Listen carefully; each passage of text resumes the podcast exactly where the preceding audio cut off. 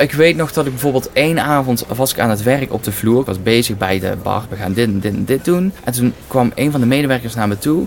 Van ja, er heeft net iemand met jou gesproken. En ik zei, ja, weet je dat zeker? Want ik, ik was een beetje verbaasd. Want er was iemand met een klacht. Ik zeg, weet je zeker dat hij met mij gesproken heeft? Ja, want die zei, ik heb met die homo gesproken. En toen dacht ik, oh, oké, weet je. Dus op mijn werk ik ben hier wel de assistent manager die leiding moet geven. Maar ik ben niet de assistent manager. Ik ben de homoseksuele assistent manager. En dat was eigenlijk een beetje het plaatje wat ik toen mee ging nemen van mezelf.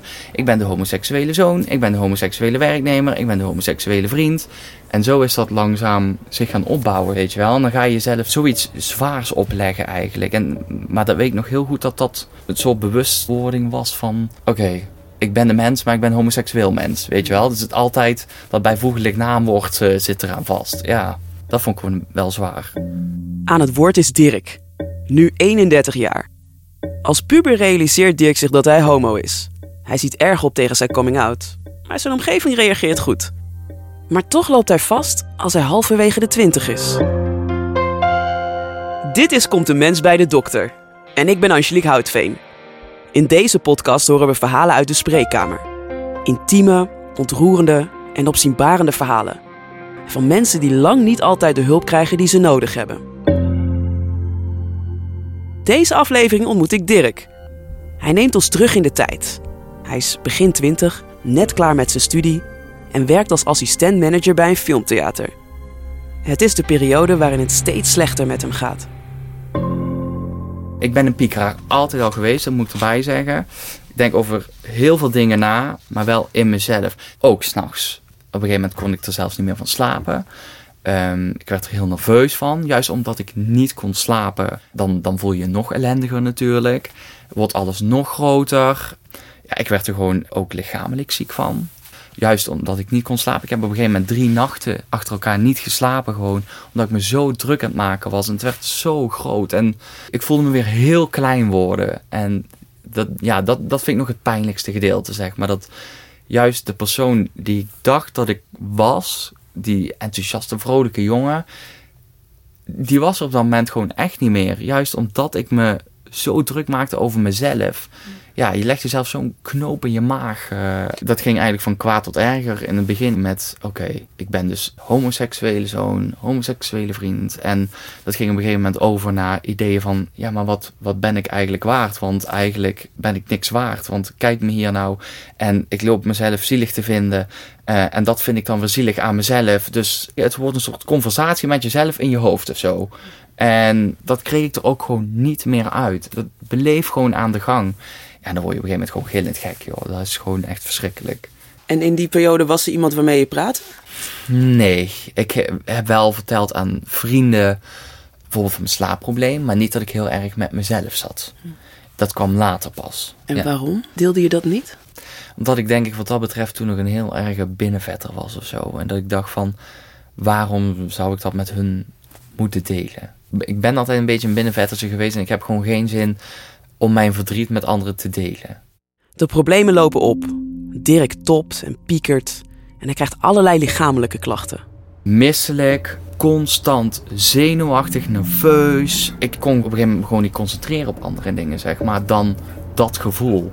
En dat gecombineerd, zeg maar, geestelijk en lichamelijk, ja, dat, was gewoon killing. Dat was echt, dat was echt killing, ja. Ik heb op een gegeven moment gewoon echt een gesprek aangevraagd. Uh, vond ik heel moeilijk met mijn directe theatermanager. En heb ik aangegeven van luister, het gaat even niet goed met mij. Ik voel me gewoon niet goed. En die heeft me daar echt heel positief in opgevangen. Daar ben ik hem nog steeds heel dankbaar voor. Als het niet gaat, moet je het gewoon aangeven. Maar ik ben wel iemand die gewoon door wil blijven werken, door wil blijven gaan. Want aan thuis zitten heb ik ook niks. Want dan ga ik me denk ik ook nog meer druk maken om de gedachten die dan weer in mijn hoofd komen. En constant maar ratel, ratel, ratel in je hoofd. En nee, ik denk dat ik op dat moment zoiets had van... dat brengt me nog verder weg van beter worden, van genezen of zo, zeg maar. Ja.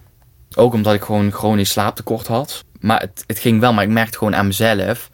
En dat maakte me dan weer heel verdrietig. Dat ik heel snel geïrriteerd was. Ik heb echt... Ik heb altijd best wel engelen geduld gehad. Maar ik, ik werd zo zo snel geïrriteerd, weet je. En dat, Dat ging ik ook naar bezoekers toe uiten. Waar ik normaal heel vriendelijk met iemand in gesprek kan gaan. Om, als ze een klacht hebben, merkte ik op dat moment van oké, ik heb gewoon geen zin om met jou hierover te praten. Ben ik heel kort af en heel bits. Terwijl dat eigenlijk helemaal niet is wie ik vind dat ik ben. Dirk was altijd een vrolijke en sociale jongen. Hij groeit op in een klein dorp in Limburg. Een gewoon gezin. Vader werkt bij een bank, moeder zit in het onderwijs. Liefhebbende ouders, zegt hij zelf. Tijdens zijn puberteit wordt hij zich ervan bewust dat hij zich meer aangetrokken voelt tot jongens. Op zijn zestiende erkent hij voor zichzelf dat hij homo is. Het begin van zijn coming out. Ik heb er eh, best wel lang over gedaan. Van mijn 16e tot mijn 21ste. Uh, mijn ouders die wisten het als laatste. Um, net als mijn familie eigenlijk. Mijn vrienden op school, daar voelde ik me gewoon heel fijn bij. Ik kon heel open zijn. En wat ik zeg, er heerste gewoon een hele open sfeer op die school. Weet je, er waren meer homoseksuele jongens, meer lesbische meisjes. Dus het was daar niet echt een issue of zo. Dus daar durfde ik het sneller toe te geven dan dat ik het thuis durfde te zeggen. Dirk gaat studeren in Eindhoven. Daar ontmoet hij voor het eerst een jongen op wie hij echt verliefd wordt. En toen dacht ik, toen ik hem ontmoet, van oké, dit is dus liefde en dit is een fijn gevoel en hier wil ik voor gaan. En dit mogen mensen ook zien. Zeg maar. Dat was eigenlijk de eerste ervaring die ik had met die jongen. Dat ik dacht van, oh, wauw. En ja, toen wist ik van, oké, nou moet ik het wel gaan vertellen, want anders kan dit niks worden. Hij ziet er erg tegenop om zijn ouders te vertellen dat hij op mannen valt. Jarenlang heeft hij deze coming-out voor zich uitgeschoven. Hij besluit met zijn ouders te chatten. Dat vindt hij minder eng dan live bij zijn ouders op de bank. Nou, mijn zus die heeft dus wel al aangekondigd. Ja, die gaat eigenlijk een mededeling doen. En toen zei mijn moeder al van, ja goed, ik weet wel wat dat gaat zijn. En uh, toen kwam ze online, dus ik was er helemaal vol met zenuwen. En het eerste wat zij meteen zei, ik had nog niks gezegd, was... Dit zal zeker wel een opluchting voor je zijn, of niet? Ik denk, ja, nou, oké, nou, het was eruit. Zijn vader reageert eerst ongemakkelijk, maar accepteert het ook. Hij zegt al snel tegen hem: Ik wil dat je gelukkig wordt. Een grote opluchting voor Dirk. Hij gaat studeren. Een vrije omgeving. Veel vrienden van hem zijn ook homo. Zijn studententijd is vrolijk en onbezorgd. Maar als hij is afgestudeerd, laat hij die veilige en vertrouwde studentenwereld achter zich. Hij gaat aan de slag bij het filmtheater toen kwam ook eigenlijk pas het besef van: oké, mensen gaan mij vragen stellen over mijn situatie. Met wie ben ik samen? Woon ik samen? Allemaal dat soort dingetjes, zeg maar. En dat was eigenlijk het eerste moment dat ik dacht van: oh wauw, ik, ik moet nou altijd aan iedereen gaan lopen vertellen dat het niet zo zit. Dus ik moet weer uit die kast gaan komen en weer mensen allemaal gaan inlichten over wat de situatie is. En dat maakt het voor mij steeds moeilijker op de een of andere manier. En ik denk dat ik toen gewoon heel bewust was van: oké, niet het hele leven is alleen maar homoseksuele feestjes en weet ik het wat allemaal. Nee, dit is ook het leven. Ik ook gewoon te maken met heteroseksuele mensen die uh, gaan vragen hoe mijn leven in elkaar steekt. En ik denk dat ik toen pas bewust ben gaan nadenken van: oké, al die mensen hier zijn gewoon heteroseksueel. Ik ben homoseksueel. Maar ik ben degene die dat naar buiten moet gaan brengen, zeg maar. Hun leven, hun leven. Maar ik moet wel zeggen van, luister, bij mij zit het anders. En bij mij... Het gevoel van anders zijn. Ja, dat was het vooral. Het gevoel dat je altijd iets met je meedraagt, wat je gewoon naar buiten moet brengen, zeg maar. Dirk kan er niet van slapen. Hij herkent zichzelf niet meer. Waar is die vrolijke sociale jongen gebleven? Nou, toen was ik voor de weet ik het hoeveelste keer al uh, weer een hele nacht wakker geweest. En ik ben toen naar de arts gegaan ook. Maar niet voor het probleem van ik zit met mezelf. Maar voor het probleem ik zit met de slaap. Wederom meer omdat ik het daar toen niet over wou hebben. Omdat ik dacht van als ik die slaap oplos, dan komt de rest vanzelf wel. Als ik weer goed slaap, ga ik mezelf ook beter voelen. Maar ja, dat is bij lange na niet altijd zo, weet je. Als het probleem in jezelf zit, heeft goede slaap ook geen zin. En als je een probleem met jezelf hebt, zal er ook geen goede slaap komen. Juist omdat je zo in je hoofd zit. Dus dat het moment dat ik weer wakker had gelegen, toen dacht ik de zoveelste keer, ik ga naar de arts. Maar dan voor het slaapprobleem. De huisarts concentreert zich op zijn fysieke symptomen. Ze stelt niet de juiste vragen. Dirk voelt zich onveilig. Hij probeert duidelijk te maken dat hij zich slecht voelt. Zijn homoseksualiteit komt niet aan bod. In het begin was het echt. Ik ben een paar keer terug geweest daar ook. Ook weer van dat slaapprobleem. Probeer dan wel een beetje te vissen of er andere dingen aan de hand zijn. Maar het wordt heel erg afgedaan van, oké, je hebt een gestrest leven. Dus je moet even tot jezelf komen. Gezond eten, sporten, uh, mindfulness, weet ik het wat er allemaal voor een termen naar me toe werden gegooid. Maar ook bijvoorbeeld door de dokterassistenten, die ging zich er heel erg mee bemoeien. Weet je wel, van ja, en het is ook geen goed idee als we je op slaappillen zetten of op andere medicatie. Je moet gewoon echt tot jezelf komen. Terwijl ik dacht van, jij bent überhaupt helemaal geen arts, dus jij mag dit helemaal niet met mij bespreken. Want het was, ik weet gewoon zeker, dat merkte ik gewoon in hun, dat ze iets hadden van, ach, daar is hij weer met zijn problemen, weet je wel. En dan voel je al niet lekker als je daar komt. Terwijl de arts zelf was best wel geduldig met mij hoor, daar, daar kan ik niks over zeggen. En wat had jij aangegeven toen je daar kwam? Wat zei jij tegen haar? Nou, op een gegeven moment heb ik gewoon wel gezegd van, ja, luister, ik denk dat het ook door het slapen komt. Ik ging mezelf weer een beetje indekken. Maar ik voel mezelf ook gewoon niet goed. Ik zit gewoon niet lekker in mijn vel uh, door alles. En wat ik zei, ze gaat dan wel doorvragen, maar ze heeft bijvoorbeeld nooit echt gevraagd van en hoe zit het dan bijvoorbeeld met je geaardheid en dat soort dingen, daar gaan ze helemaal niet op in, weet je Het is meer een algemeen gedoe van, oké, en als dat gevoel dwars zit, is dat dan vooral s'nachts? En dan zeg ik, ja, want anders dan kon ik al slapen, weet je wel. En meer die kant uit dan dat ze echt gaan graven van, oké, wat is er eigenlijk met jou aan de hand? Wat zit er in je persoonlijkheid wat wij moeten genezen of moeten verbeteren of iets in die trant, zeg maar. Dus het, het bleef heel oppervlakkig op de een of andere manier. Voelde je alsof ze je zagen, echt? Um, nee, nee, want de verandering kwam pas toen ik op een gegeven moment me zo slecht heb gevoeld. En dan wil ik wel even een kanttekening bij maken. Ik ben nooit suicidaal geweest of zo. Maar ik had toen wel het gevoel van als ik nu doodga, is het prima. Dan is het gewoon goed. Ik kwam er gewoon echt niet meer uit. Dat was voor mij ook echt het moment dat ik dacht van... nu moeten ze iets gaan doen, want dit gaat gewoon niet goed. En dat heb ik toen ook daar gezegd van... ja, luister, als ik nu dood neerval, interesseert me gewoon niet. En toen zag ik dat ze schrok. Maar er zijn al vier of vijf doktersbezoeken aan vooraf geweest. Over dat ik me slecht voelde en slecht sliep en ja... Pas als Dirk uitspreekt dat hij zo niet verder wil leven komt de huisarts in actie. Ik zag haar gewoon schrikken in haar ogen. Ik zag het gewoon. En zei ze van, oh, dat, dat is helemaal niet goed, weet je wel. Ik denk, ja, nee, maar dat probeer ik al weken eigenlijk aan te geven dat het niet goed zit. En toen begon ze ook abrupt eigenlijk van, oké, dan zetten we weer aan de medicatie. Terwijl ik zoiets had van, oh, oh, oh, dat gaat misschien wel heel snel allemaal. Maar in één keer kwam er schot in de zaak, zeg maar. Dus ze ging ermee aan de slag. Dus ik, ik kreeg vanaf toen ook medicatie. Heb ik niet meteen genomen omdat ik daar best wel tegen was. Voor tijdelijke psychologische hulp kan hij terecht bij de praktijkondersteuner. Daar is pas echt het balletje gaan rollen over mijn geaardheid. Dat is van tevoren eigenlijk nooit echt aan de orde geweest bij de arts zelf. Heb je zelf ooit overwogen om dat te vertellen? Um, ja, nee, dan moet ik gewoon eerlijk zijn. Ik denk niet dat ik me daar heel erg bij op mijn gemak voel om dat bij de arts aan te geven, zeg maar. Nee. Aangezien hij geen andere oplossing ziet, begint Dirk toch maar met de antidepressiva, zonder begeleiding van de psychiater. Hij krijgt veel last van bijwerkingen, maar blijft de pillen slikken. De huisarts verwijst hem weken later door naar een psycholoog. Eindelijk hulp, denkt Dirk. Maar bij de GGZ krijgt hij te maken met wachtlijsten. Zelf had ik veel eerder aan de bel moeten trekken, maar zij hadden ook veel eerder moeten ingrijpen. En het traject had gewoon veel korter moeten. Hmm. Ja. En in die periode naar de psycholoog toe, mhm. hoe werkte je toen nog? Ja, ik heb gewoon eigenlijk de hele tijd heb ik gewoon nog doorgewerkt. Uh, terwijl er ook mensen wel zeiden, waaronder mijn ouders ook. Want daar ben ik wel altijd heel open mee geweest. Uh, over dit dan. Uh, vond ik dan wel weer heel mooi dat ik daarover kon praten. Maar ook omdat mijn moeder een beetje richting verpleegkunde zit en zo, weet je die weet wel iets meer daarvan. Dat voelde wel heel prettig. Ik zat wel heel erg opgesloten thuis. Vrienden die deden wel echt hun best om mij ook uit het huis te krijgen. Want toen ben ik wel ook langzaam, toen ik wist van oké, ik ben depressief. Ik ga een traject in. Toen ben ik ook open naar mijn vrienden toe geweest van het ligt hier en hier aan. Het is niet alleen het slapen. Er zit gewoon veel meer, zeg maar.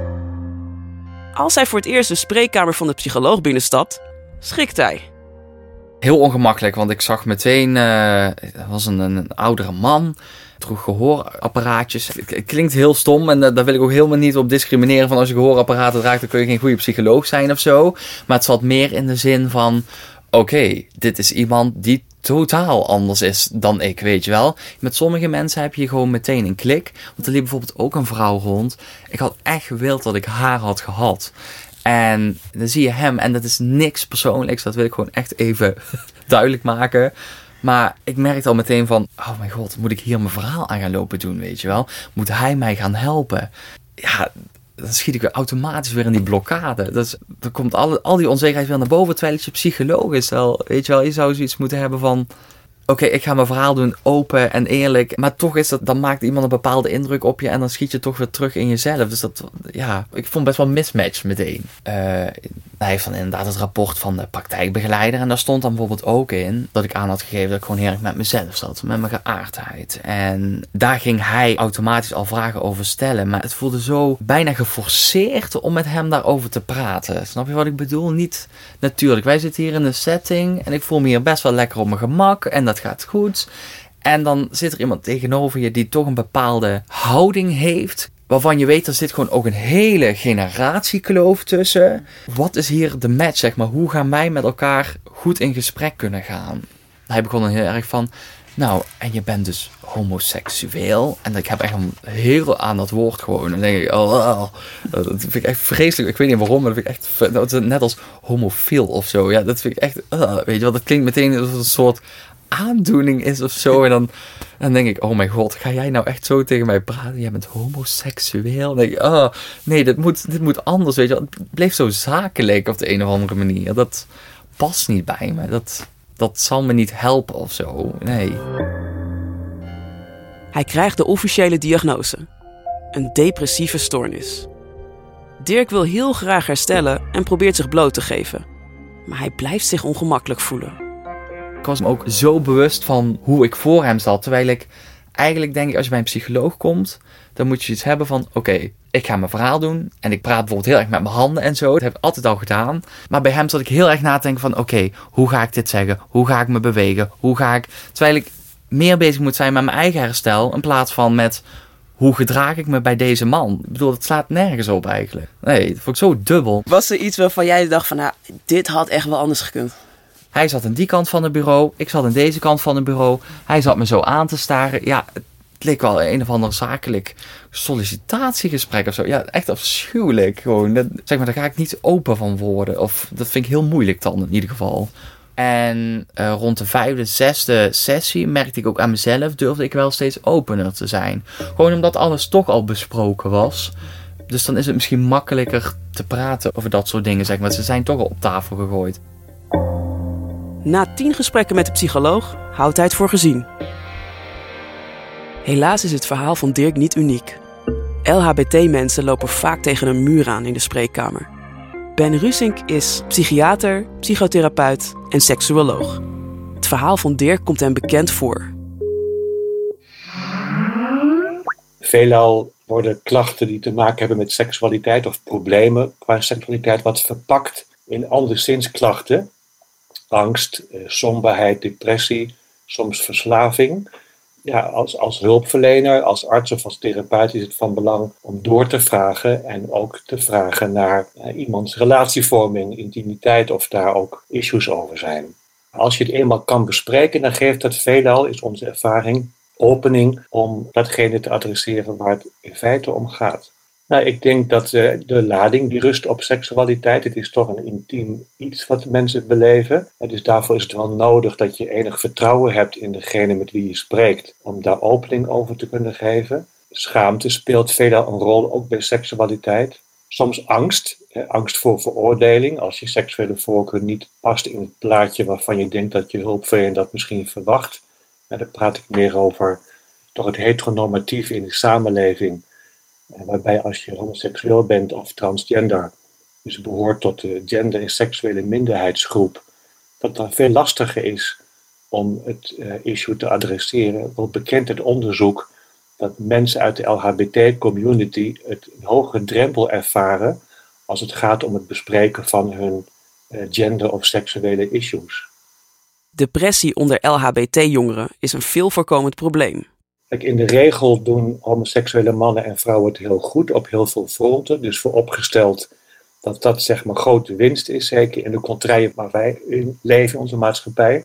Toch zie je bij een deel van de eh, LHBT-jongeren met name eh, het vaker voorkomen van angst, depressie, verslaving, suicidaliteit, niet te vergeten. Dat is een, een, een groot risico onder jongeren op suïcide in vergelijking met heteroseksuele jongeren. En, en angst speelt daarbij een rol voor veroordeling, voor buitensluiting met name, eh, schaamte, emotioneel en toch ook sociaal isolement. Want zeker in de adolescentie, in de jongvolwassenheid, zoek je toch aansluiting bij je peers. Uh, jonge mensen willen ook wat gaan ervaren als het gaat om seksualiteit en intimiteit. En als dan je omgeving vooral heteronormatief is ingericht, heb je toch het idee van, moet ik uit de kast komen, moet ik hiermee naar voren komen? En als je een heteroseksuele jongere vraagt om uit de kast te komen als heteroseksueel, dan kijken ze je echt heel glazig aan. Van, nou, wat vraag je me nu? Maar voor niet-heteroseksuele jongeren of transgenders, hè, als het gaat om de genderidentiteit, worstelen met hoe en wanneer en moet ik het gaan vertellen en mezelf openen over iets wat voor mij heel vanzelfsprekend is, maar wat in mijn omgeving eigenlijk uh, niet zo wordt gezien. En dat werpt drempels op. En uh, als mensen dan zich angstig voelen en niet zich veilig voelen, of mensen daar ook niet echt aandacht aan schenken, uh, of dat zien, of daar belangstellend naar zijn, dan, dan onderhoudt het emotionele, maar ook sociale isolement onderhoudt toch vaak een stresssituatie en dat kan leiden tot, tot angststoornissen, tot depressieve aandoeningen en zelfs tot suicidaliteit en, en ook geslaagde suicides. Dirk voelde zich bij zijn huisarts en zijn psycholoog slecht op zijn gemak. Het was voor hem geen veilige situatie. Het scheppen van vertrouwen in de spreekkamer is volgens Ben Rusink erg belangrijk. Enerzijds hebben homoseksuele mannen ook meer moeite om de drempel over te gaan naar de hulpverlening, omdat men niet helemaal zeker is of de homoseksuele identiteit een issue is voor de dokter of de therapeut. Dus het is heel belangrijk dat je als arts ook LHBT je vriendelijk opstelt en vertrouwen geeft, maar ook eens navragen doet om het issue van iemands seksuele identiteit eh, of relaties te bespreken. Dat mensen zich vrij voelen om erover te praten. Dus enerzijds is er een drempel uit die heteronormativiteit. Anderzijds zien we wel dat homoseksuele mannen wat vaker toch de weg vinden naar de hulpverlening. Op het moment dat ze weten dat het veilig is. Vorig jaar hebben de dokters in Nederland roze in wit geïnitieerd. Waarbij juist dokters zich kunnen aansluiten en een verklaring ondertekenen. Waarbij ze zich kenbaar maken als LHBT-vriendelijke dokters. En dat hopelijk zorgt dat ervoor dat de drempel voor homoseksuele of LHBT-patiënten wordt verlaagd. Medici hebben niet altijd de wijsheid in pacht. Ben Rusing draait het om. De zorgverlener kan veel leren van de nieuwe LHBT-generatie. En we kunnen ook van de hedendaagse jongeren veel leren als het gaat om hun beleving van man-vrouw zijn, van, van gericht, gericht zijn op de andere, op dezelfde seksen of beide. Dus openstaan voor ontwikkelingen die nu in de samenleving zijn. Medici moeten ook verder kijken dan alleen maar een spreekkamer. Kijken wat leeft er in de samenleving, wat kunnen we leren van onze patiënten. En vooral ook het normaliseren. Dat we het uit de boekjes halen waar het als een ziekte beschreven wordt, of een afwijking of een stoornis. Want het stigma dat zit zo geworteld in de samenleving, maar ook in onze beroepsgroepen, dat dat zeg maar voor patiënten die hoge drempel verklaart, maar ook de angel is in de presentatie van hun angst, depressie en uh, seksuele problematiek. Met Dirk gaat het goed. Therapie heeft hij niet meer nodig. Het antidepressivum blijft hij slikken, maar in een lagere dosering. Zijn homoseksualiteit zit hem niet langer in de weg. En hij heeft een veel positiever zelfbeeld meer tevreden met mezelf zijn, meer kunnen accepteren van mezelf, maar ook durven toe te geven als ik me gewoon niet zo goed voel. Dat merk ik vooral heel erg. Juist omdat ik ook mezelf wel een beetje kwalijk neem dat ik niet eerder op de rem heb getrapt van oh, geef het gewoon aan als je niet goed voelt. Plus, het is ook wat mijn moeder zei. Ja, Dirk, en ook niet elke dag, als je nu een slechte dag hebt, betekent het dat je terug gaat naar die depressiviteit. Mm. Terwijl ik daar in het begin bijvoorbeeld heel erg weer bang voor was. Ik voel me weer slecht. Oh jee, we gaan weer terug naar dat gevoel. En dan is het na een dag was het weer weg bijvoorbeeld. Weet je, je kan ook gewoon dipjes hebben en dat is ook oké. Het hoeft niet per se te betekenen dat je weer terugzakt. Dirk is veel opener geworden. Voor het eerst heeft hij een serieuze relatie met Mark. Op zijn 28ste is hij naar Os verhuisd om met zijn geliefde te gaan samenwonen. Ik merk gewoon dat ik er veel makkelijker over kan praten. Dat het veel minder een blokkade nou is. Want dit is het leven wat ik leid. Ja, het is niet anders dan dat. Hè? Ja. Dus dat, dat, dat is wel heel positief, vind ik. Ja, absoluut. Deal with it. Ja, precies dat. En met hem durf ik ook gewoon alles te delen met Mark. En dat, dat scheelt ook heel veel, denk ik hoor. Dat er altijd iemand is om, om terug op te, vallen. Gewoon ook om, ja, wat ik zeg, vroeger was ik niet zo open en zo. En ja, dat is veranderd. En het is fijn als er iemand naast je staat die, die altijd met je kan levelen over bepaalde dingen. Hij durft nieuwe wegen in te slaan. Ook op werkgebied heeft hij zijn leven omgegooid. Hij werkt niet meer als assistent-manager in een filmtheater. Dirk is klaar voor een carrière-switch. Ik heb eh, van de week te horen gekregen dat ik een eh, nieuwe baan eh, heb, zeg maar. Ik ga werken en leren voor persoonlijk begeleider in de gehandicaptenzorg. En daar heb ik heel veel zin in. Na zijn verhuizing is Dirk op zoek gegaan naar een nieuwe huisarts. In de spreekkamer laat hij deze keer meteen weten dat hij homo is. Ja, de eerste keer dat ik naar de huisarts ging eigenlijk, toen stond ik nog niet ingeschreven in Os. Dat kwam pas later. Toen was Mark eigenlijk ook mee. Dus eh, dat was wel heel grappig, ja. Het voelt goed. Ja, absoluut. Ja, 100%. Je hoorde Dirk. Meer weten over deze podcast? Kijk dan op komtemensbijdedokter.nl. Je vindt hier uitgebreide informatie over hoe je de zorg krijgt die je nodig hebt. Deze podcast is een initiatief van de Alliantie Gezondheidszorg op Maat. Mijn naam is Angelique Houtveen.